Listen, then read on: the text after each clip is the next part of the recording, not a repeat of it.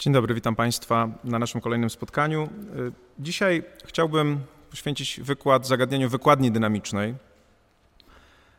czyli zagadnieniu, które jest dosyć kontrowersyjne z wielu powodów. Y, jednym z tych powodów jest ponownie sprawa dyskrecjonalności prawniczej, czyli pewnego obszaru wolności, który prawnik może wykorzystać.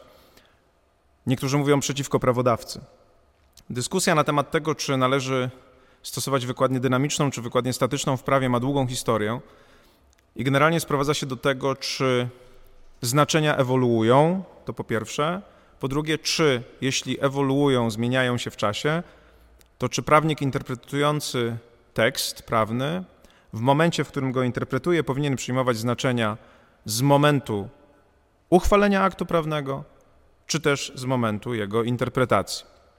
Więc ta opozycja statyczny, dynamiczny charakter wykładni prawa odnosi się do tego, że jeżeli odpowiemy sobie na to podstawowe pytanie w sposób następujący, prawnik powinien przyjmować znaczenie tekstu prawnego z momentu uchwalenia, to znaczy, że przyjmuje wersję statyczną, w tym sensie, że to znaczenie, nawet jeżeli w języku powszechnym się zmieniło, powinno pozostać rozumiane tak, jak zostało uchwalone przez prawodawcę.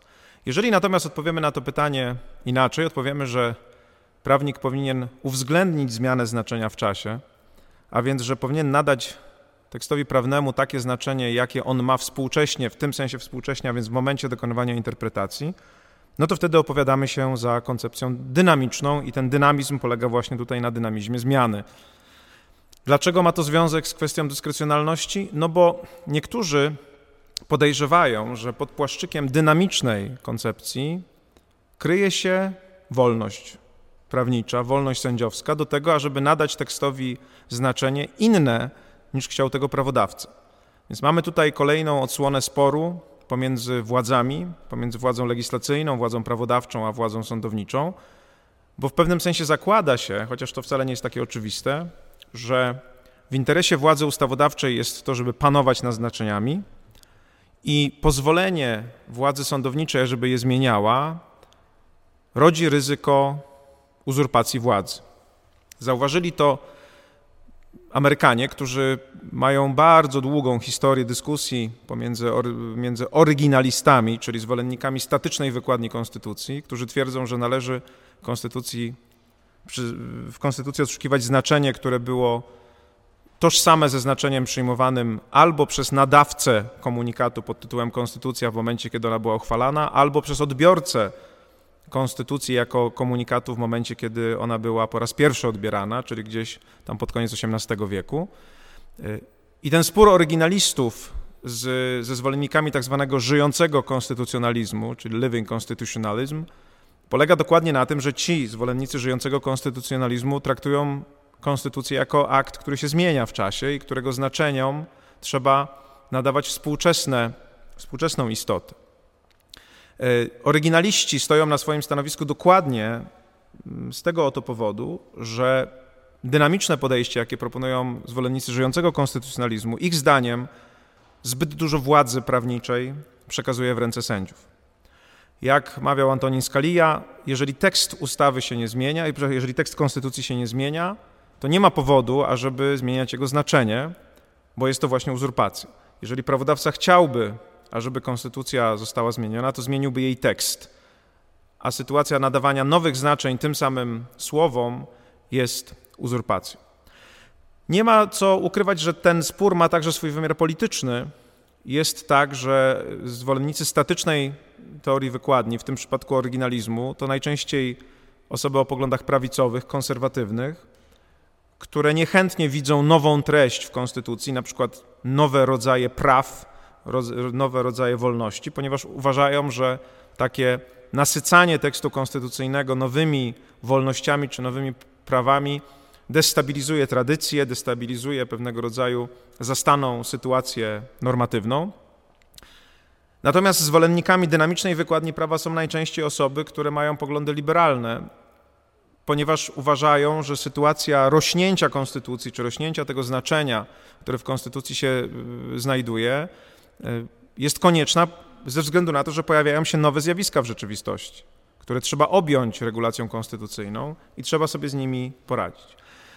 Ta dyskusja jest znowu y, istotna w świetle pewnych założeń, które przyjąłem w tym wykładzie tegorocznym, mianowicie jeżeli mamy dwie wizje interpretacji, dwa modele interpretacji, które należy rozumieć jako dwa, dwie grupy norm, które mają regulować interpretację, no bo statyczna koncepcja wykładni mówi, powinieneś interpretować tekst zgodnie ze znaczeniem, jakie miał on w momencie ustanowienia. No to to jest kwestia pewnej normy, zbiory, zbioru norm, które mówią, w jaki sposób konstytucja czy inny tekst prawny ma być interpretowany. Konstytucja, y, koncepcja dynamiczna mówi, powinieneś interpretować normy zgodnie ze znaczeniem, jakie tekst ma w danym momencie interpretacji. To też jest pewnego rodzaju dyrektywa.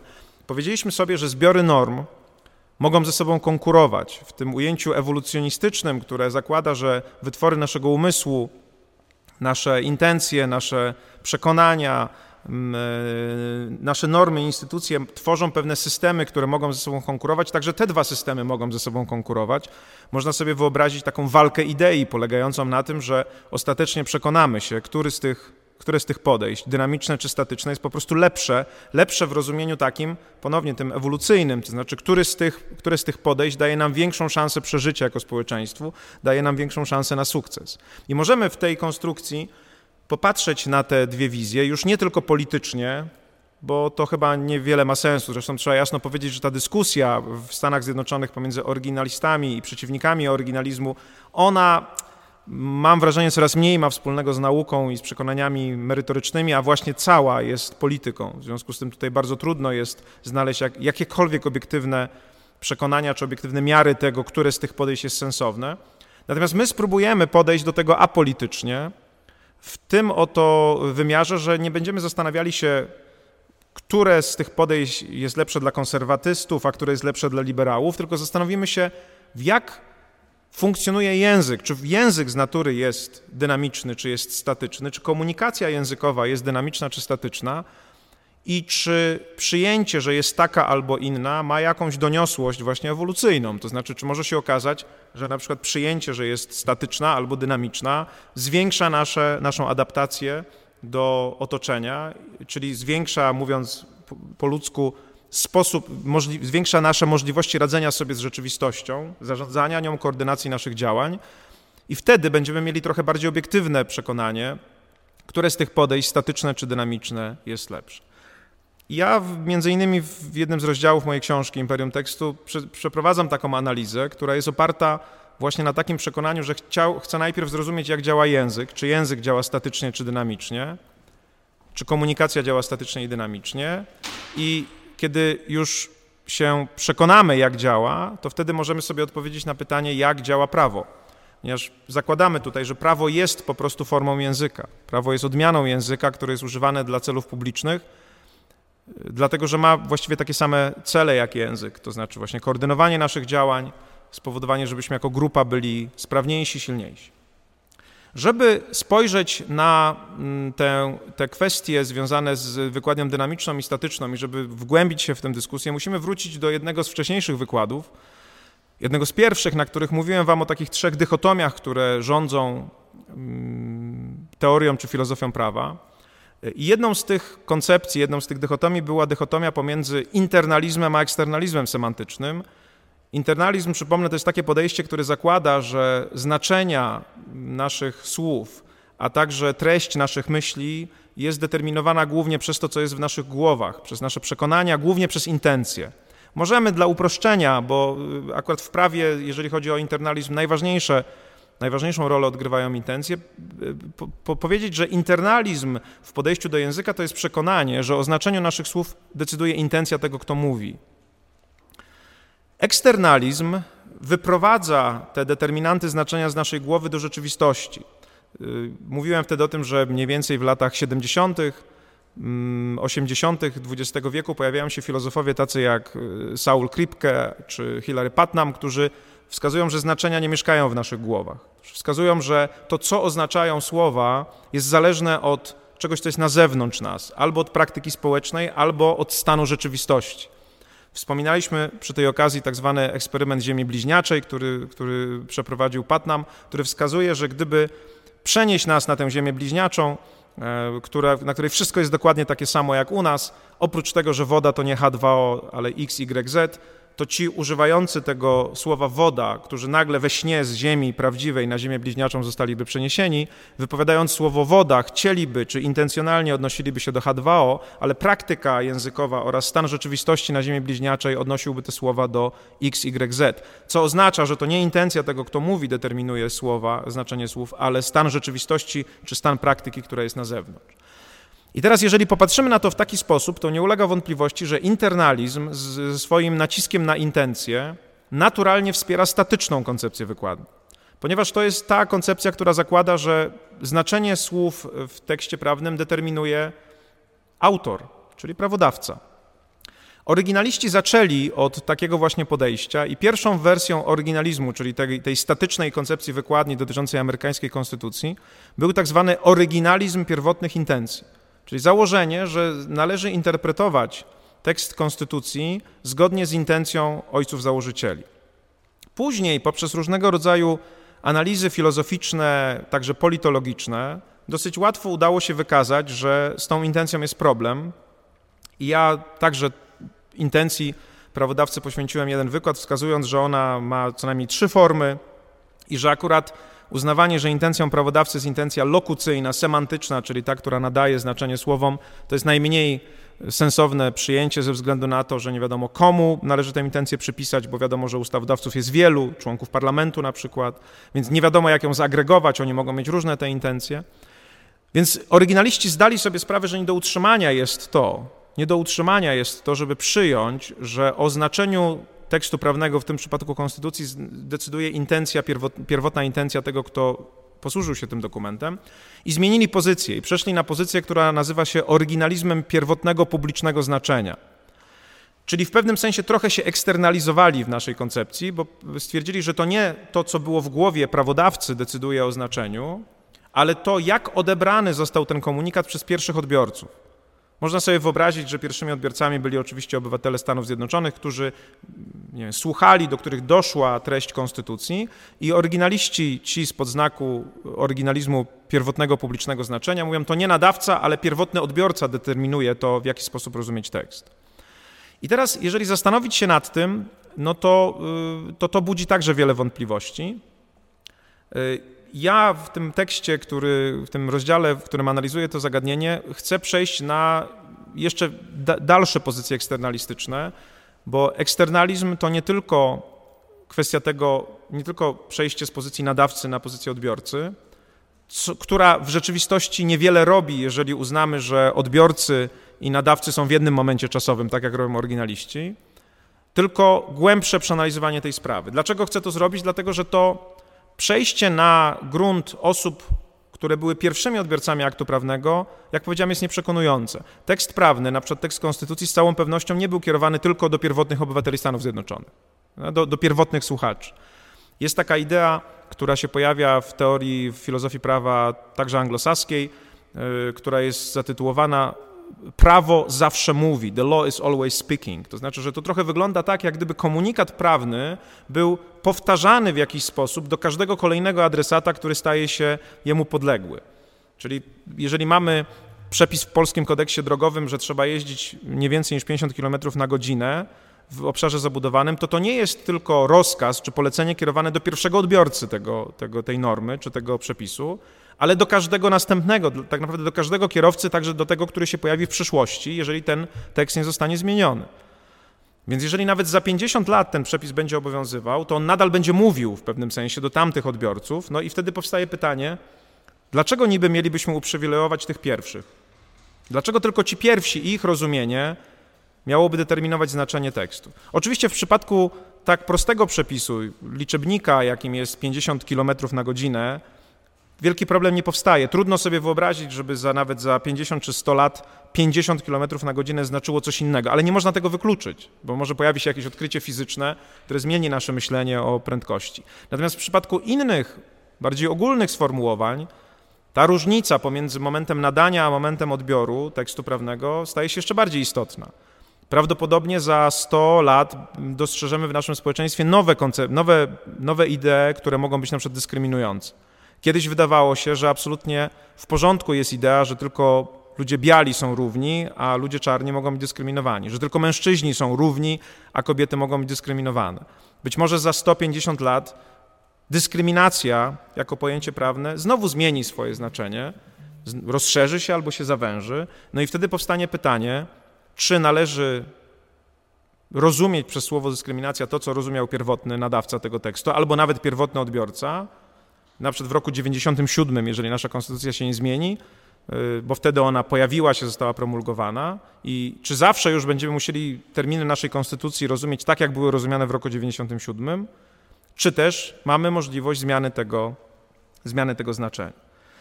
Dlatego, ponieważ wydaje się to trochę podejrzane, to uprzywilejowanie tej pierwszej publiczności, należy sięgnąć troszeczkę dalej w kierunku e, tej, tego, jak działa język i zastanowić się, czy tutaj mamy możliwość lepszego uzasadnienia koncepcji dynamicznej. To jest o tyle istotne, że jeżeli popatrzy się na filozofię prawa nie tylko w Polsce, ile na świecie, to generalnie panuje przekonanie, że to wykładnia, dynam, wykładnia statyczna, wykładnia statyczna, czyli na przykład oryginalizm, ma lepsze umocowanie językowe.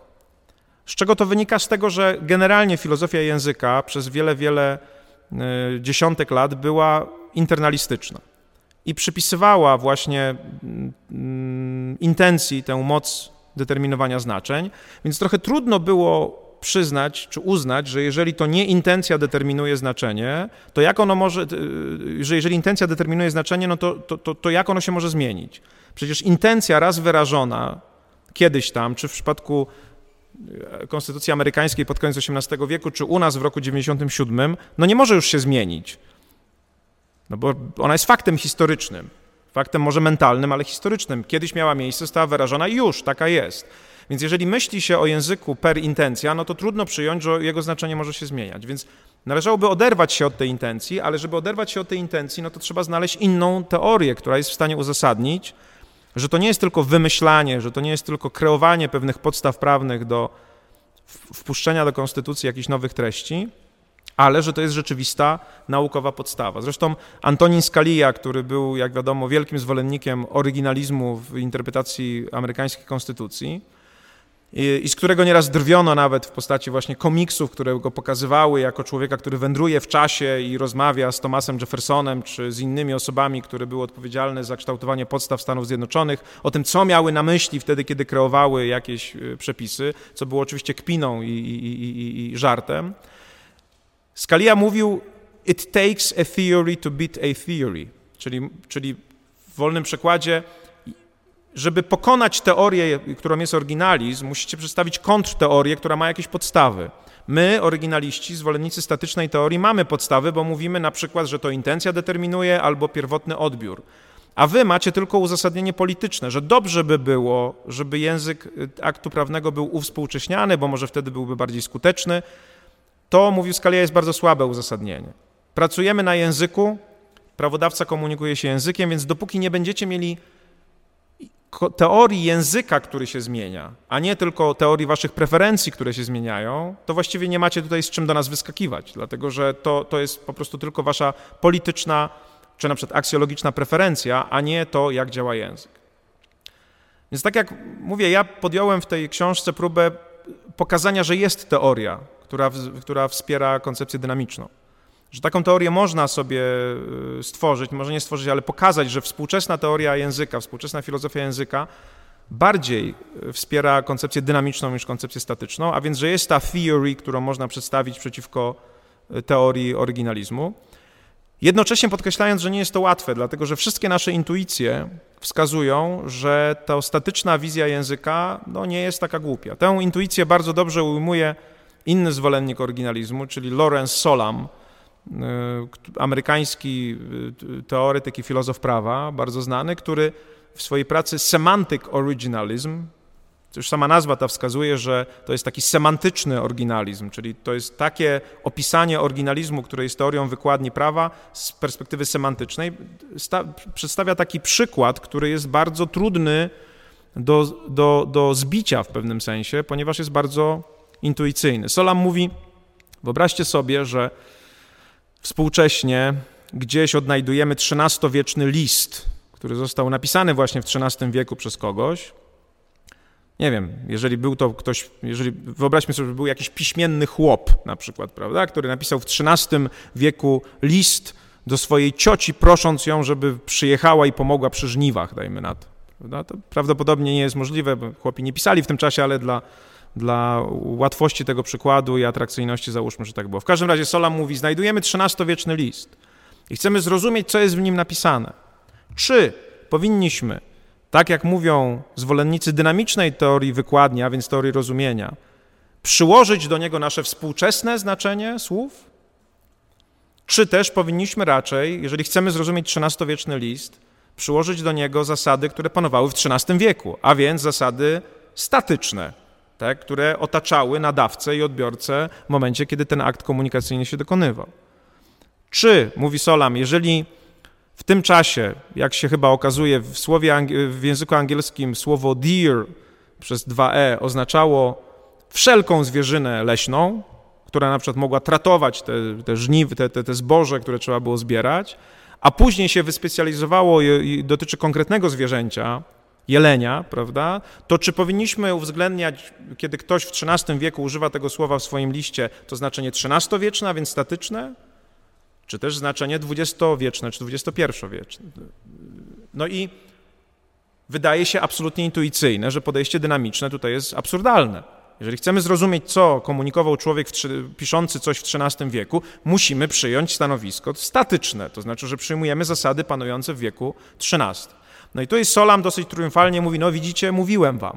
Prawda? Tak rzeczywiście jest. Jeżeli tak robimy z listem, który został napisany w wieku XIII, to tak powinniśmy robić z prawem, które zostało napisane w wieku XVII albo XVIII. Powinniśmy do jego rozumienia przyjąć znaczenie, które panowało w tamtym czasie. A więc szachmat, można powiedzieć, dy, zwolennicy dynamicznej teorii wykładu. Tak? Nie da się normalnie myśleć intuicyjnie o komunikacji dynamicznej. Ja się nad tym zastanawiałem w innym przykładzie, który wydaje się też potwierdza trochę rozumienie Solama, ale później będę chciał go wykorzystać, żeby pokazać, że może da się go odwrócić trochę, trochę inaczej. Ja chciałbym wam ten przykład podać, bo zawsze mnie on jakoś tak fascynował. Mianowicie pewnego września, już nie pamiętam, chyba 2017 czy 2016 roku, y, Gazeta Wyborcza y, do 1 września do swojego normalnego wydania dołączyła dokładną kopię kuriera wieczornego, który wyszedł 1 września 1939 roku.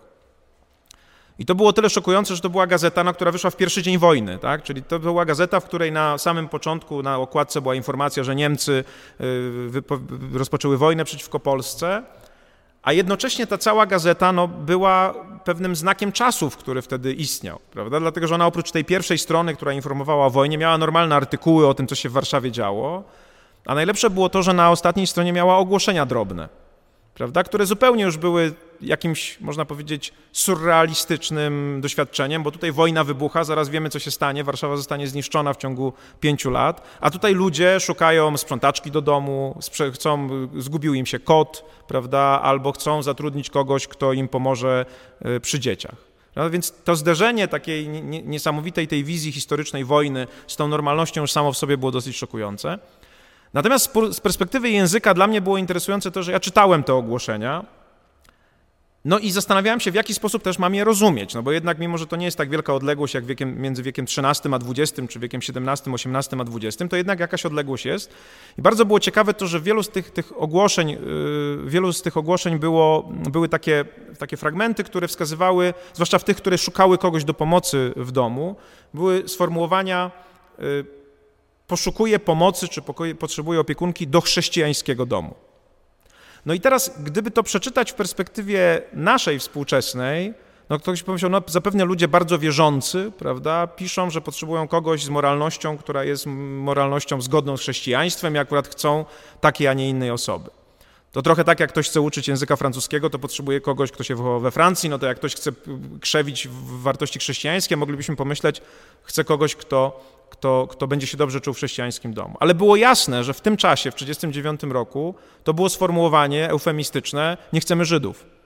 Tak? Po prostu nie ma to być nikt y, narodowości żydowskiej, dlatego że nie ma dla takiej osoby miejsca w chrześcijańskim domu. Tak, tak myślę, należałoby to rozumieć. Więc znowu mamy rozbieżność pewną pomiędzy tym, czy mamy to rozumieć według tego, jakby taka struktura zdania była rozumiana współcześnie, kiedy już ta opozycja, przynajmniej w Warszawie, chrześcijanin, Żyd nie jest tak bardzo oczywista, jak była wtedy, kiedy, kiedy bardzo duża część obywateli Polski i także mieszkańców Warszawy była pochodzenia żydowskiego, to się nagle zmieniło i znowu odbieramy to w innym kształcie. Jak powinniśmy czytać to? Czy powinniśmy przykładać rozumienie z roku 1939, czy czy, czy z roku czytania, czyli właśnie 2018? I znowu Intuicja Solama wydaje się przemożna. Znaczy, no jest jasne, że żeby dobrze zrozumieć, czego dotyczyło to ogłoszenie, należy przyłożyć znaczenie z roku 1939, a nie z XXI wieku. Więc znowu można powiedzieć, przegrywa koncepcja dynamiczna, no bo my ciągle zakładamy, że jednak z prawem jest inaczej i że być może powinniśmy uspółcześniać to znaczenie i przyjmować znaczenie e, współczesne. No krótko mówiąc, Solam mówi, no chyba nawet doświadczenie praktyczne wskazuje, że tutaj nie ma szans, nie ma miejsca dla koncepcji dynamicznej. A może jednak jest. Tak, może jednak jest. I to, to o tym chciałem dzisiaj opowiedzieć, w jaki sposób można by było przyjąć, że język ewoluuje i że istnieje teoria, która może wesprzeć dynamiczną koncepcję wykładni, a co więcej na samym końcu, żeby pokazać, że dynamiczna koncepcja wykładni ma większą zdolność adaptacyjną w tym rozumieniu ewolucyjnym e, niż koncepcja, niż koncepcja statyczna. Więc jak można by było to uzasadnić? Musimy wrócić w, w tym momencie do koncepcji języka Ruth Garrett Millikan, o której tutaj mówiłem już kilkakrotnie, i do jej koncepcji linearzy.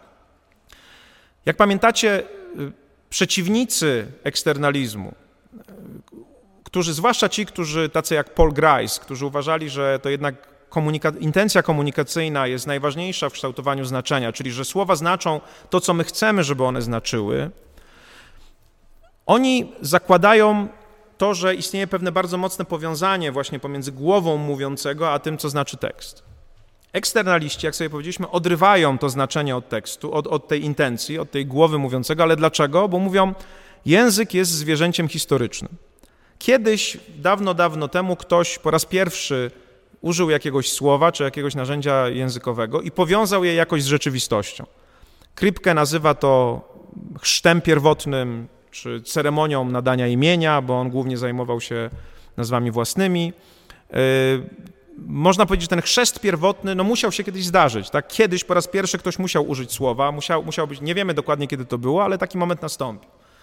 Być może wtedy, kiedy on po raz pierwszy użył tego słowa, musiał jakoś powiązać ze swoją intencją to użycie, no bo musiał przynajmniej dać do zrozumienia wszystkim, którzy go otaczali, z czym ten dźwięk się wiąże. Bo zwróćcie uwagę, że, że dla koncepcji języka bardzo ważne jest to, w jaki sposób my ustalamy powiązanie pomiędzy słowem a rzeczywistością. Jeżeli ja na przykład teraz powiedziałbym pik, pik, tak? To, to, to jest sformułowanie, które jest jakimś dźwiękiem i załóżmy, że to jest neologizm i że ja w ten sposób nazwałem coś, co jest w tej sali. To jest niezwykle trudne, ażebyście w tym momencie stwierdzili, co ja nazwałem.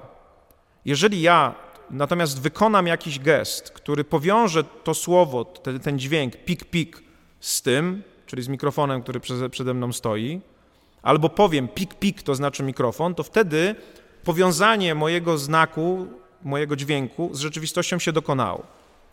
I teraz wy możecie już wtedy się o tym przekonać. Więc wydaje się, że do tego pierwszego powiązania jakaś intencja i ujawnienie intencji jest możliwe, ale są też takie koncepcje, które pokazują, że nawet przy tym pierwszym, przy tym pierwszym y, nazwaniu wcale nie muszę rozpoznać intencji, ponieważ mogę uczyć się metodą prób i błędów. Wyobraźmy sobie, że ja byłbym strasznie sadystycznym wykładowcą, i wróciłbym do czasów mojej szkoły podstawowej, rzeczywiście jestem starym człowiekiem, bo w mojej szkole podstawowej biło się po ręce linijką jeszcze. Nie wiem, czy potraficie sobie to wyobrazić. Teraz to byłby już prokurator, prawda? Pani nauczycielka, jak człowiek był niegrzeczny albo coś źle napisał, przychodziła i uderzała linijką w rękę. Więc można sobie wyobrazić taką sytuację, w której ja teraz zachowałbym się sadystycznie, wziąłbym linijkę i mówiłbym pik, pik i pytałbym pana na przykład, co to znaczy. I gdyby pan powiedział, że to jest ławka, to dostawałby pan na przykład linijką po ręce. I robiłbym to tak długo, aż w końcu powiedziałby pan, że to jest mikrofon, i wtedy dokonałoby się to, co prawdopodobnie w ewolucji się dokonywało, to znaczy prawidłowe powiązanie następowało przez metodę prób i błędów, to znaczy nieraz bardzo problematycznych.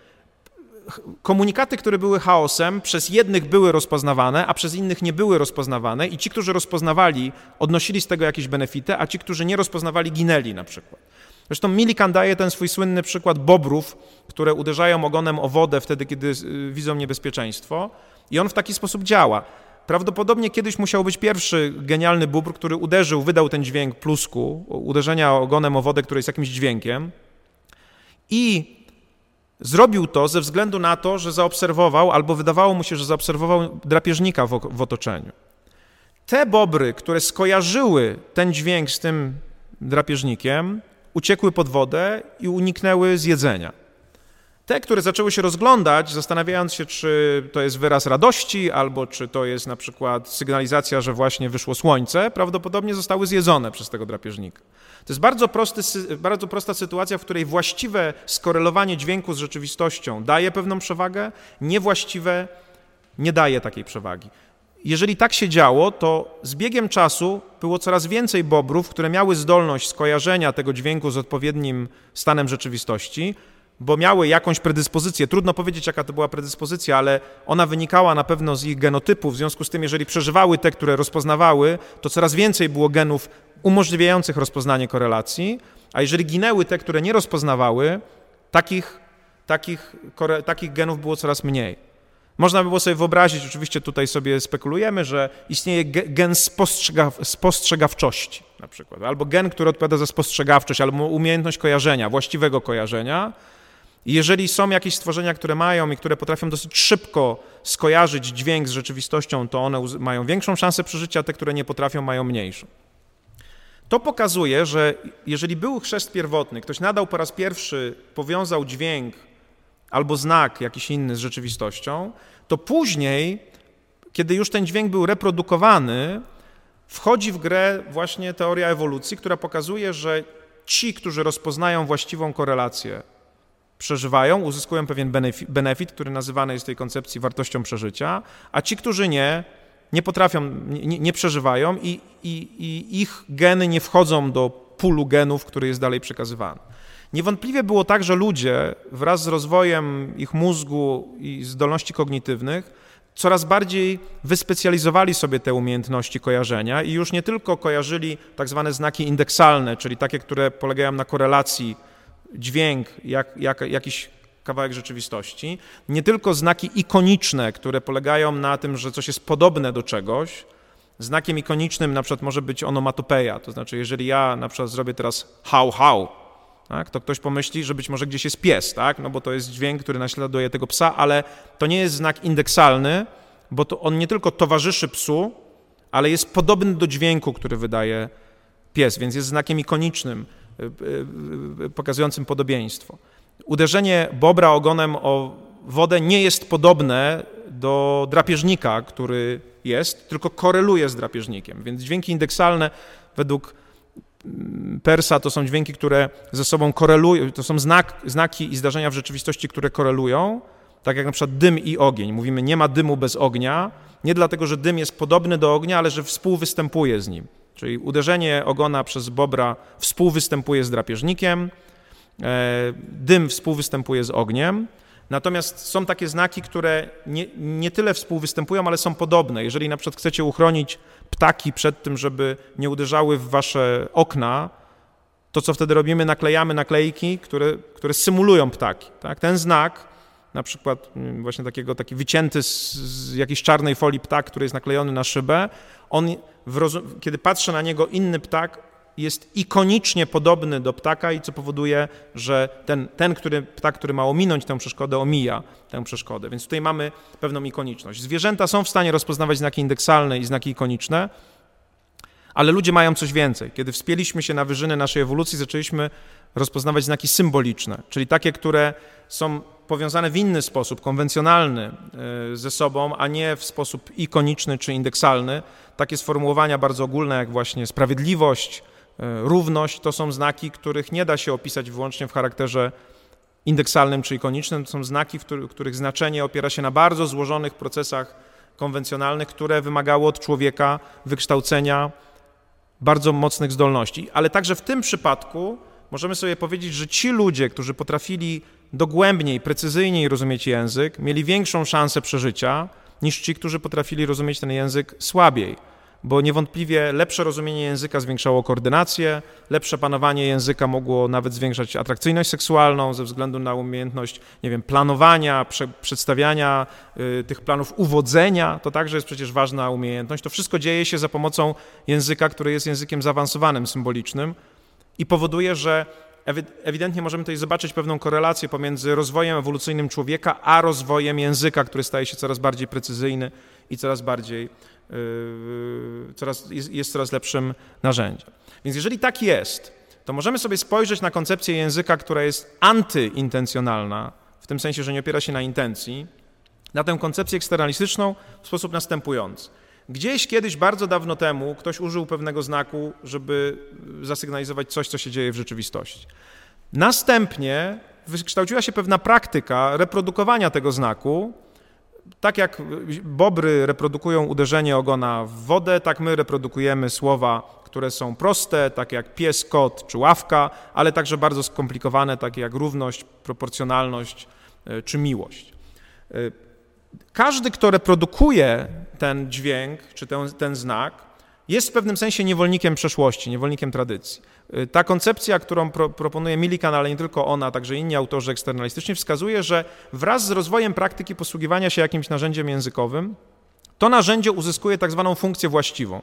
To znaczy, ono znaczy, odnosi się do tego, do czego powinno się odnosić, żeby mogło przynieść benefit który do tej pory przynosiło. To jest dosyć skomplikowane, ale spróbujmy sobie to wyjaśnić na przykładzie, o którym już mówiliśmy y, wcześniej. Jeżeli bóbr uderza ogonem o wodę i ma to już historię 200, 300, 400, 500 lat, i nagle pojawia się nowy bóbr, który także y, pływa sobie po powierzchni wody i chciałby uderzyć ogonem w wodę po to, żeby wyrazić radość, czyli jego intencją byłoby nadanie temu znakowi nowego znaczenia, uderzenie ogonem w wodę już nie jest ostrzeżeniem przed drapieżnikiem, ale wyrażeniem radości, to funkcja właściwa to uniemożliwi, bo jeżeli on uderzy tym ogonem o wodę, to i tak wszystkie bobry uciekną. Ponieważ wykształciła się pewnego rodzaju stabilna, mówi, mówi o niej tak Ruf Milikan, stabilna funkcja tego wyrażenia, wynikająca z wielo, z bardzo długiego powtarzania, reprodukowania tego dźwięku. I ona wynika z tego, jakiego jakby benefitu dostarczał ten dostarczał ten dźwięk, ten znak w przeszłości. Czyli jest on z nami tutaj, dlatego że był przydatny i spowodował, że my nadal go używamy. Można na przykład sobie wyobrazić, że ktoś używa trybu pytającego do twierdzeń. Nastolatki tak bardzo często robią i to zawsze denerwuje ludzi, kiedy mówią: No przecież zrobiłam lekcję, tak? To jest pytanie, a ma, to być twierdzenie. Prawda? Jest to sformułowanie, które jest dwuznaczne w sensie składniowym, można powiedzieć, y, czyli lokucyjnym, bo ma formułę pytania, a tak naprawdę jest twierdzeniem. Tutaj można powiedzieć, wytwarza się, ponieważ ona jest bardzo często tak używana, ta formuła pytania, które ma być twierdzeniem, a nieraz nawet zarzutem. Można powiedzieć, że tutaj już się wykształciła druga funkcja wręcz, ale jeżeli ktoś używa języka nie tak jak trzeba, na przykład kłamie, no to Milikan by powiedziała, że ktoś próbuje pasożytować na funkcji właściwej, no bo my, mimo że jesteśmy, nie jesteśmy łatwowierni, to nie możemy zakładać, że każdy, kto do nas mówi, kłamie. Więc my zakładamy, że każdy, kto do nas mówi, mówi prawdę, bo taka jest funkcja języka, że on ma opisywać rzeczywistość w sposób prawdziwy. Jeżeli ktoś zaczyna kłamać, to ktoś próbuje, właśnie dlatego próbuje nas oszukać, że my wierzymy, mimo że akurat to użycie języka, którego on dokonuje, jest niezgodne, niezgodne z rzeczywistością. Zmierzam do tego, że w pewnym momencie intencja staje się coraz mniej istotna, a coraz bardziej istotna staje się konwencja, czyli staje się pewna zasada, praktyka używania słów, i indywidualny użytkownik nie jest w stanie swoją intencją zmienić znaczenia. Indywidualny użytkownik nie jest w stanie zmienić swoją intencją znaczenia, on jakby żeruje na tej funkcji właściwej. Bóbr, który chce wyrazić radość i tak ostrzega, bo taka jest funkcja właściwa tego, tego znaku w, naszej, w, tej, w tej kulturze bobrów, czy w tej praktyce bobrów. Kiedy my, kiedy ja wiem, że kłamię, i, a więc moją intencją jest wprowadzenie w błąd, no to udaje mi się to osiągnąć właśnie dlatego, że wszyscy są przyzwyczajeni do funkcji właściwej twierdzeń, która jest prawdziwa.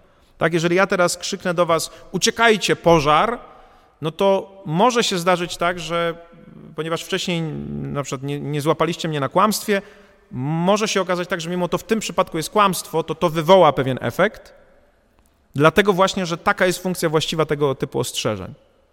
Prawda? Taka jest funkcja właściwa tego typu ostrzeżeń.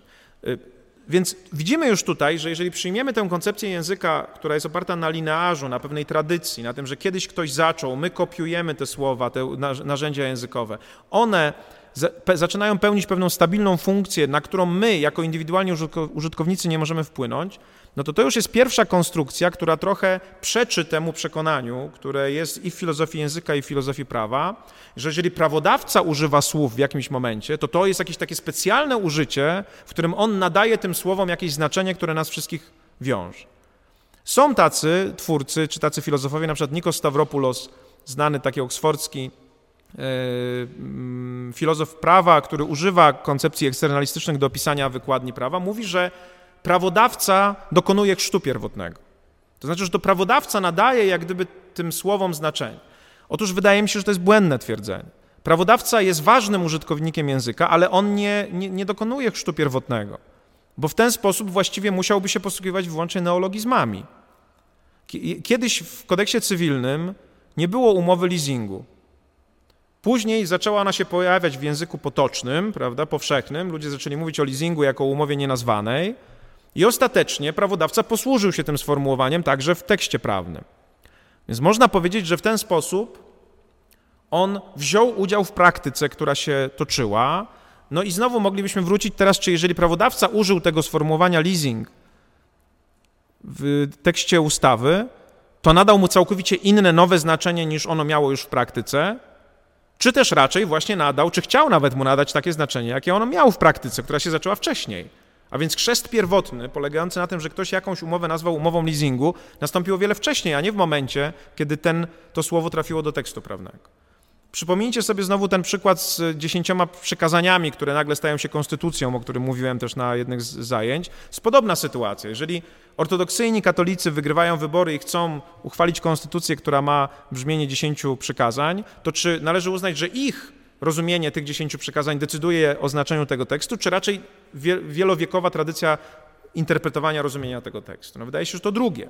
Czyli, czyli z tego by wynikało, że prawodawca jest po prostu jednym z wielu użytkowników języka, który nagle pojawia się w praktyce i tym językiem, który żyje swoim życiem, w rozumieniu Millikan, który już ma swoją historię, ma swoje linearze, ma swoje funkcje właściwe, posługuje się.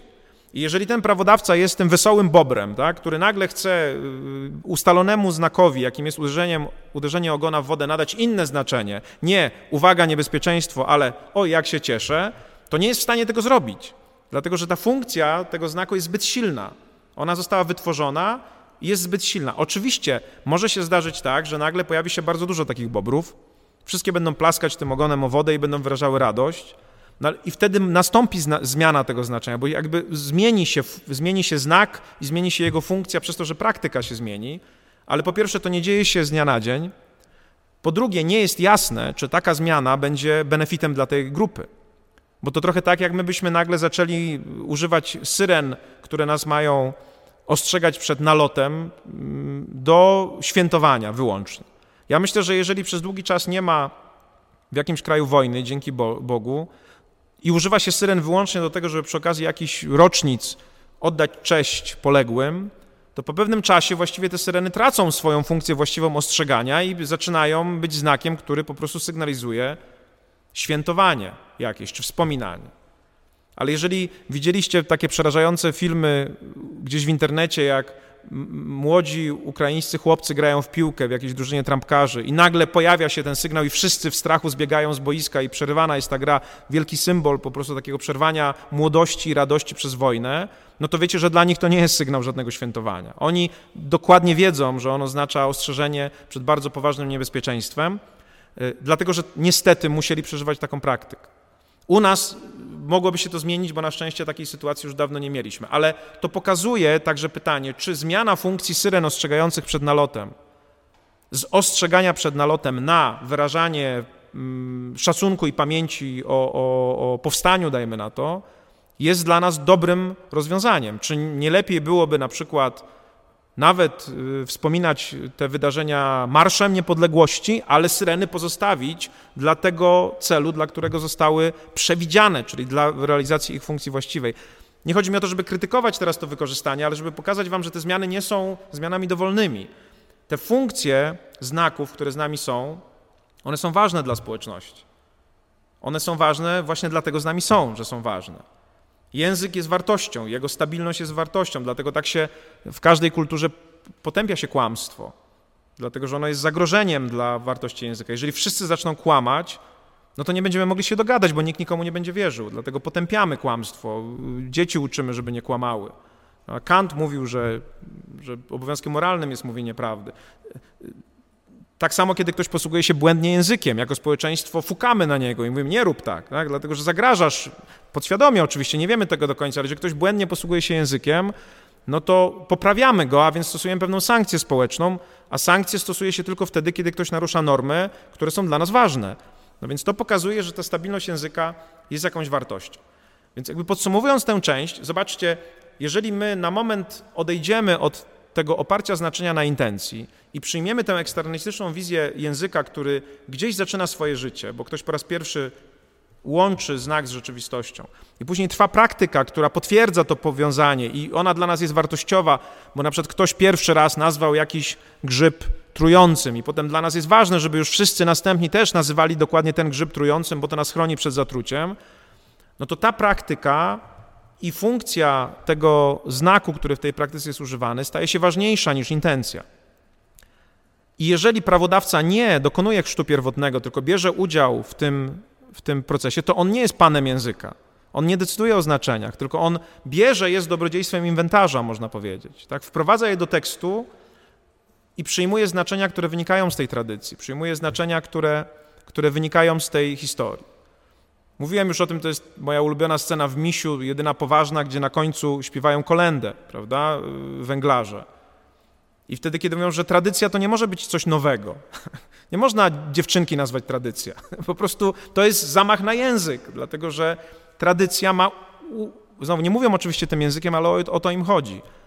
Tradycja to jest coś konkretnego, co, co, co było nazywane w taki sposób w przeszłości, i my nie możemy sobie naszą decyzją zmienić znaczenia tego słowa, bo to jest dla nas pewna wartość. Jeżeli tak jest, no to oznacza, że język gdzieś zaczął działać, doszedł do momentu, w którym jest, w którym użył go prawodawca, ale, i tutaj się zaczyna najważniejsza część, czy on wtedy przestał się rozwijać? Czy praktyka wtedy się zakończyła? No nie no, wprost przeciwnie, czy linearz, powiedziałaby Milikan, się zakończył? No nie, no bez sensu, przecież właśnie on był kontynuowany. Jak prawodawca użył słowa leasing w kodeksie cywilnym, no to, no to właśnie w tym momencie jeszcze większa praktyka się zaczęła, bo sądy zaczęły tego używać i inni ludzie zaczęli tego używać, więc ta praktyka jest kontynuowana. I tutaj zaczyna się bardzo ciekawa rzecz, bo zwróćcie uwagę, że jeżeli my używamy słów po to, żeby one pełniły pewne funkcje, to my nieraz zmieniamy naszą praktykę, żeby tę funkcję zachować. Jeżeli my na przykład posługujemy się słowem tortura i nasza wiedza wskazuje, że torturą w jakimś momencie czasowym, że naszą, że torturą jest powodowanie cierpienia fizycznego. Tak? I tak używamy, mówimy, jak łamie ktoś kołem, to to jest tortura, jak ktoś wyrywa paznokcie, to to jest tortura, prawda? Jak ktoś przypala rozgrzanym żelazem, to to jest tortura. Czyli nasza praktyka używania słowa tortura i aplikowania do tych, do tych konkretnych rzeczywistości sygnalizuje, że funkcją słowa tortura jest oznaczanie rzeczywistości, w którym ktoś do, doświadcza fizycznego cierpienia. Ale nagle nasi psychologowie mówią nam: uważajcie, nieraz cierpienie psychiczne może mieć dokładnie takie same efekty jak cierpienie fizyczne. Jak cię będą łamali kołem, albo wyrywali paznokcie, albo przypikali żelazem, to ty potem masz stres posttraumatyczny, cierpisz, boisz się świata, popadasz w różnego rodzaju, możesz popaść w różnego rodzaju choroby psychiczne także, jeżeli ci się uda przeżyć w ogóle, tak, to doświadczenie fizyczne może mieć bardzo, czyli somatyczne doświadczenie może mieć bardzo duży wpływ na twoją psychikę i możesz cierpieć do końca życia, nawet jak już nie cierpisz fizycznie, będziesz cierpiał psychicznie, ale jak ktoś nie będzie cię pozbawiał snu, albo ktoś cię będzie podtapiał, albo ktoś ci będzie mówił o tym, że zabił całą twoją rodzinę, to ty możesz cierpieć psychicznie i to cierpienie psychiczne może powodować dokładnie takie same skutki jak cierpienie fizyczne. Więc może, skoro uznaliśmy, że funkcją naszych słów jest określanie jakiejś rzeczywistości, która powoduje pewne konsekwencje, pierwotnie fizycznej, fizycznego zadawania bólu, który powoduje pewne konsekwencje, w tym konsekwencje psychiczne, a teraz nagle odkrywamy, że jest inna rzeczywistość, która ma dokładnie takie same skutki, mimo że nie jest powodowaniem bólu fizycznego, ale psychicznego, to może sensowne jest rozszerzenie naszego słowa tortury na wyrządzanie cierpienia psychicznego. Jeżeli kiedyś, to jest przykład dworkinowski, używaliśmy słowa szkoda jako szkoda materialna, a widzimy, że ludzie mogą odnosić szkodę także, która jest niematerialna, to może w pewnym momencie trzeba przyznawać także odszkodowania za szkodę niematerialną, bo tak naprawdę między tymi dwiema sytuacjami nie ma wielkiej różnicy. Współcześnie mamy całą masę takich dyskusji, o których już tutaj wspominałem, które niby są dyskusjami y, może nie, aksjologicznymi, ideologicznymi, ale na jakimś poziomie są też dyskusjami językowymi. Czy małżeństwo powinno obejmować wyłącznie rzeczywistość, w której są osoby przeciwnej płci, czy tej samej płci?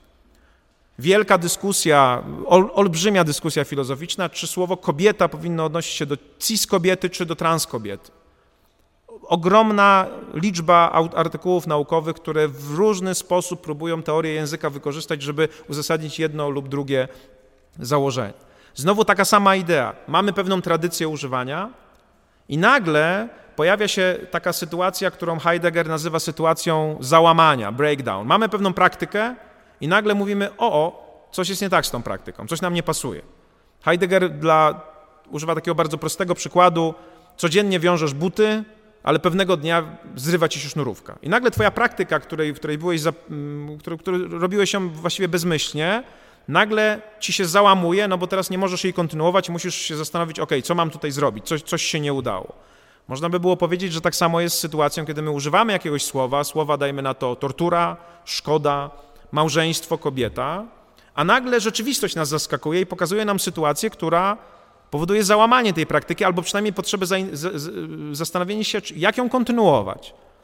Tak? Czy jeżeli używaliśmy do tej pory słowa małżeństwo do rzeczywistości, w której mamy osoby mm, odrębnej płci, a nagle ktoś podnosi roszczenie, mówi ja jestem taki sam, mimo że jestem odmiennej płci i chcę mieć też do tego prawo, to mamy sytuację, w której nasza praktyka dotychczasowa się musi na moment zatrzymać.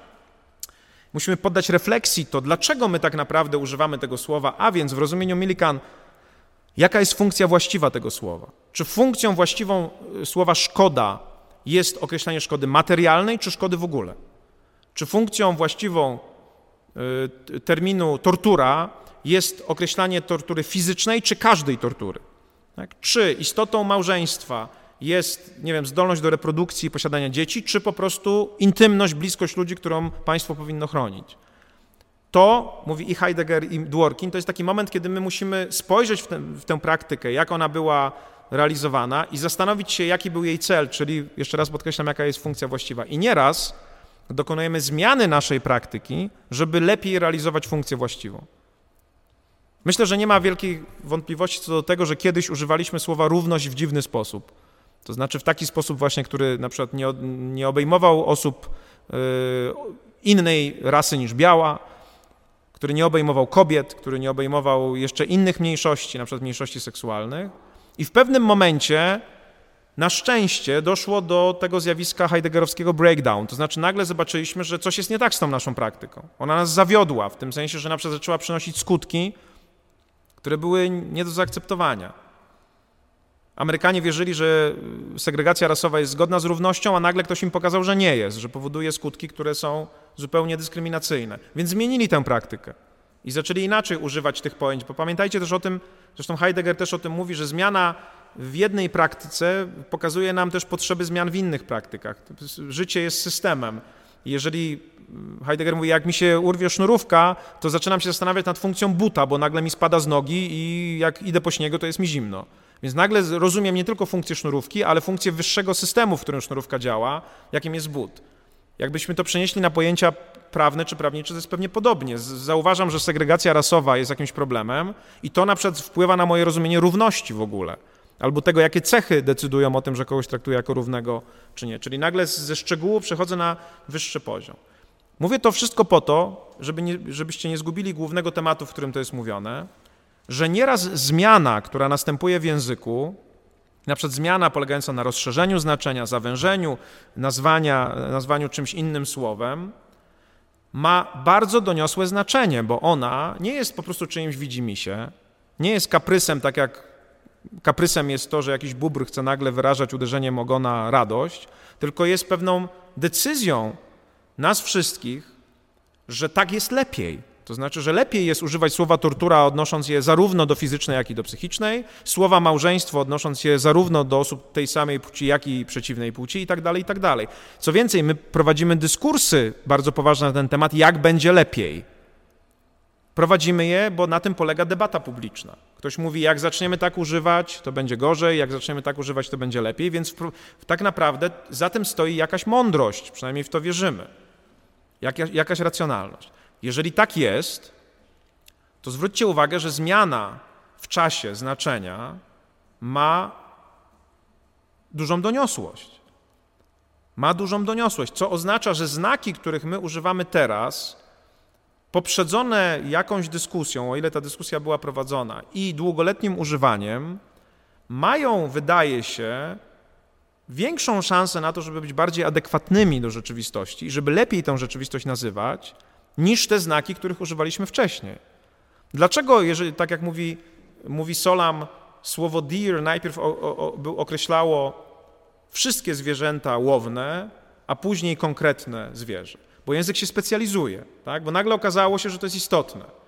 My możemy po prostu popatrzeć na drzewo i powiedzieć, o, to jest drzewo, ale ktoś, kto jest botanikiem albo stolarzem, powie, no wie pan, to jest Bóg, a to jest wiąz, a to jest wielka różnica, prawda? Dlatego, że jeden ma takie właściwości, a drugi taki, z tego można zrobić, nie wiem, łuk, a z tego się nie da, ten się nadaje na podłogę, a ten się będzie lepiej palił, prawda? Chodzi o to, że nagle język wraz z rozwojem wiedzy nam się bardziej specjalizuje i staje się bardziej adekwatny.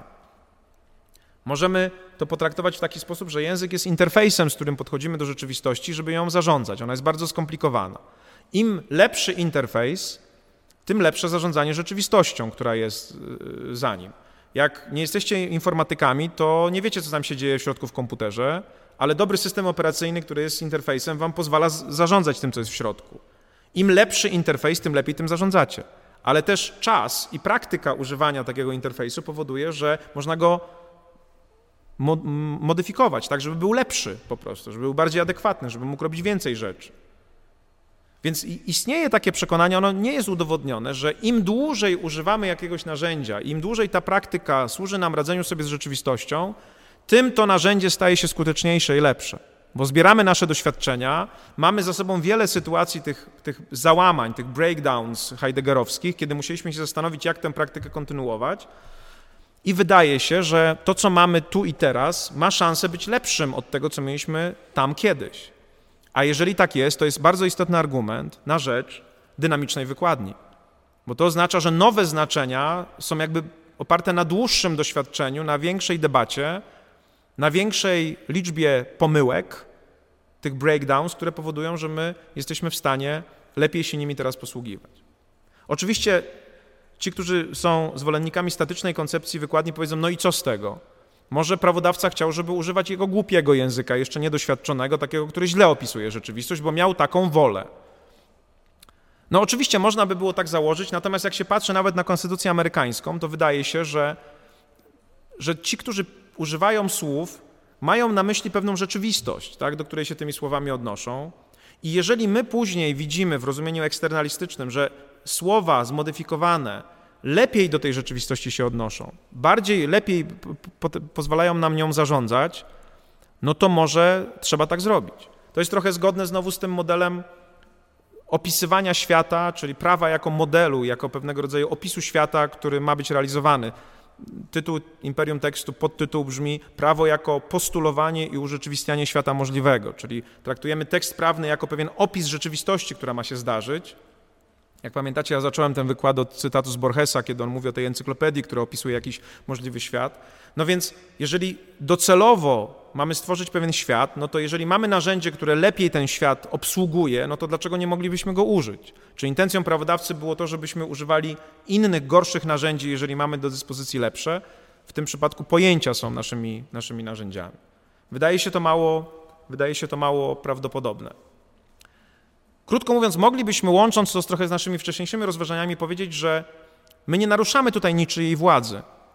Że jeżeli intencją prawodawcy była intencja illokucyjna, czyli uczynienia tekstu pewnego rodzaju modelem, a my wiemy, że ten tekst i jego znaczenia lepiej pozwolą zarządzać tą rzeczywistością, którą chciał stworzyć prawodawca, to być może powinniśmy przyjąć te nowsze znaczenia, a nie te starsze. To ta ewolucyjna koncepcja języka, która odrywa się od intencji, od konkretnego punktu w czasie, tylko traktuje język jako zmieniający się, daje nam tutaj tę możliwość, czyli buduje właśnie teorię, która mogłaby pokazać, że my powinniśmy uwzględniać zmiany w świecie i zmiany w naszej wiedzy o świecie, w tym jak posługujemy się słowem. Bo wtedy te nasze projekty zmiany rzeczywistości są po prostu lepsze. To jest jeden element. Jest jeszcze kilka takich koncepcji, które mogą nam w tym pomóc. Koncepcja u Charlesa Persa, chyba najwybitniejszego amerykańskiego filozofa, pojawia się taka koncepcja rośnięcia znaków, którą on nazywa the growth of signs. Ona jest trochę podobna do tego, o czym powiedzieliśmy wcześniej, ale ponieważ jest naświetlona z innej strony, to pozwólcie, że o niej też powiem. To trochę uwiarygadnia, że to nie jest tylko jakaś tam, prawda, dziwna koncepcja jednej osoby, tylko w wielu miejscach tego typu koncepcje się pojawiły.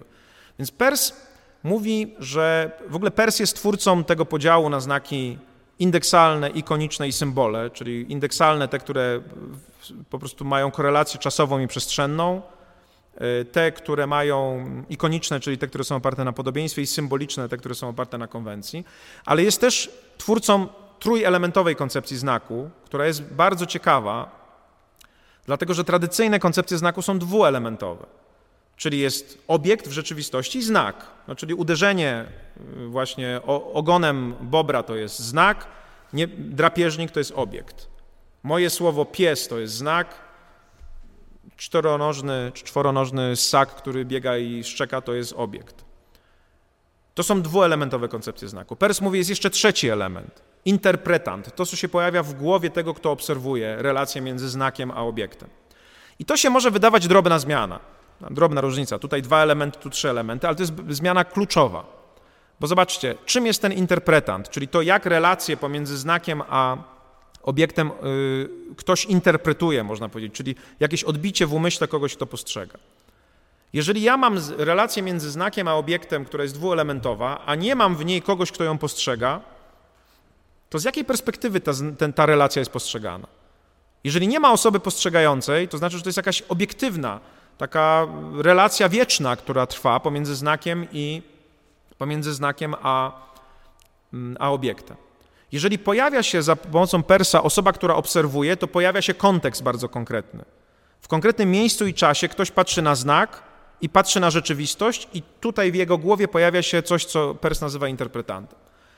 Pers wyróżnia różne rodzaje interpretantów. Bardzo często interpretantem jest po prostu inne słowo albo inna myśl. Ale wyróżnia też coś, co jest dla nas kluczowe jako dla prawników, pojęcie final interpretant, czyli takiego ostatecznego interpretanta. I można zinterpretować pojęcie ostatecznego interpretanta jako działanie, które podejmuje się na podstawie znaku i jego relacji do obiektu. Czyli jeżeli co przeniesiemy na naszą prostą sytuację bobrów, uderzenie ogonem o wodę to jest znak, obiekt to jest drapieżnik, którego obecność sygnalizuje to uderzenie o wodę, a interpretantem jest spostrzeżenie tych relacji tych dwóch elementów i podjęcie działania, jakim jest zanurkowanie, czyli ucieczka. Czyli interpretantem, ostateczną interpretacją znaku jest działanie. Ostateczną interpretacją znaku jest działanie. My sobie nieraz nie zdajemy z tego sprawy, bo jako bardzo zaawansowane zwierzęta bardzo często dokonujemy interpretacji, która jest po prostu tłumaczeniem, która jest parafrazą. Czyli jak pytamy kogoś, słuchaj, co znaczy striangulować, tak, to ktoś nam po prostu podaje definicję słowną i my nie musimy triangulować akurat, prawda? Po prostu ktoś nam wytłumaczył i my aha. Jeżeli nie wiemy, co znaczy mm, słoń, bo nigdy nie byliśmy w Afryce i nigdy nie czytaliśmy żadnej książki na ten temat, ktoś nam wytłumaczy, to nawet jak nie spotkamy słonia, nie musimy przed nim uciekać, nie musimy go umyć, nie musimy go, mm, nie wiem, się nim opiekować, czyli nie musimy wykonywać żadnych działań, to pewna wiedza pozostanie nam w głowie. Ale tak naprawdę język jest nakierowany i bardzo mocno połączony z, z działaniem. Pamiętajcie, że teoria aktów mowy ma te trzy elementy w akcie mowy, czyli akt lokucyjny, to co mówię, akt illokucyjny, to co robię przez to, że mówię i akt perlokucyjny, czyli skutek w rzeczywistości, którym jest po prostu jakieś zachowanie. Więc te nowe podejścia do języka bardzo mocno wiążą go z zachowaniem. Więc jeżeli pójdziemy za tym kierunkiem i pójdziemy za tym, co mówi Pers, to to nie jest tak, że my sobie po prostu interpretujemy znaki dla naszej ogólnie pojętej wiedzy. My je interpretujemy po to, żeby wiedzieć, jak działać w świecie. Jeżeli na przykład nie wiecie, co to jest grzechotnik i ktoś wam opowie, co to jest grzechotnik i opowie wam, że to jest groźny wąż, który jest jadowity, to może się zdarzyć tak, że kiedy, kiedyś jednak pojedziecie w miejsce, gdzie są grzechotniki, usłyszycie go i będziecie wiedzieli, co zrobić. Więc w pewnym sensie wasza wiedza jest taką wiedzą on hold. I mamy bardzo dużo takiej wiedzy. Nasze narzekanie na szkołę podstawową, zwłaszcza na matematykę, jest właśnie na tym polega, że my narzekamy na nią, bo ona nam daje dużo takiej wiedzy on hold, która nie jest nigdy wykorzystywana, ale może być. Tak? A nie daje nam wiedzy, która na pewno będzie wykorzystywana. Tak? Czyli umiemy sinusy i kosinusy, ale nie wiemy, jak wypełnić zeznanie podatkowe. Ale to wszystko pokazuje, że znaki mają przełożenie na praktykę, niektóre mniejsze, niektóre większe, ale że język służy nam do tego, żebyśmy wiedzieli, jak działać.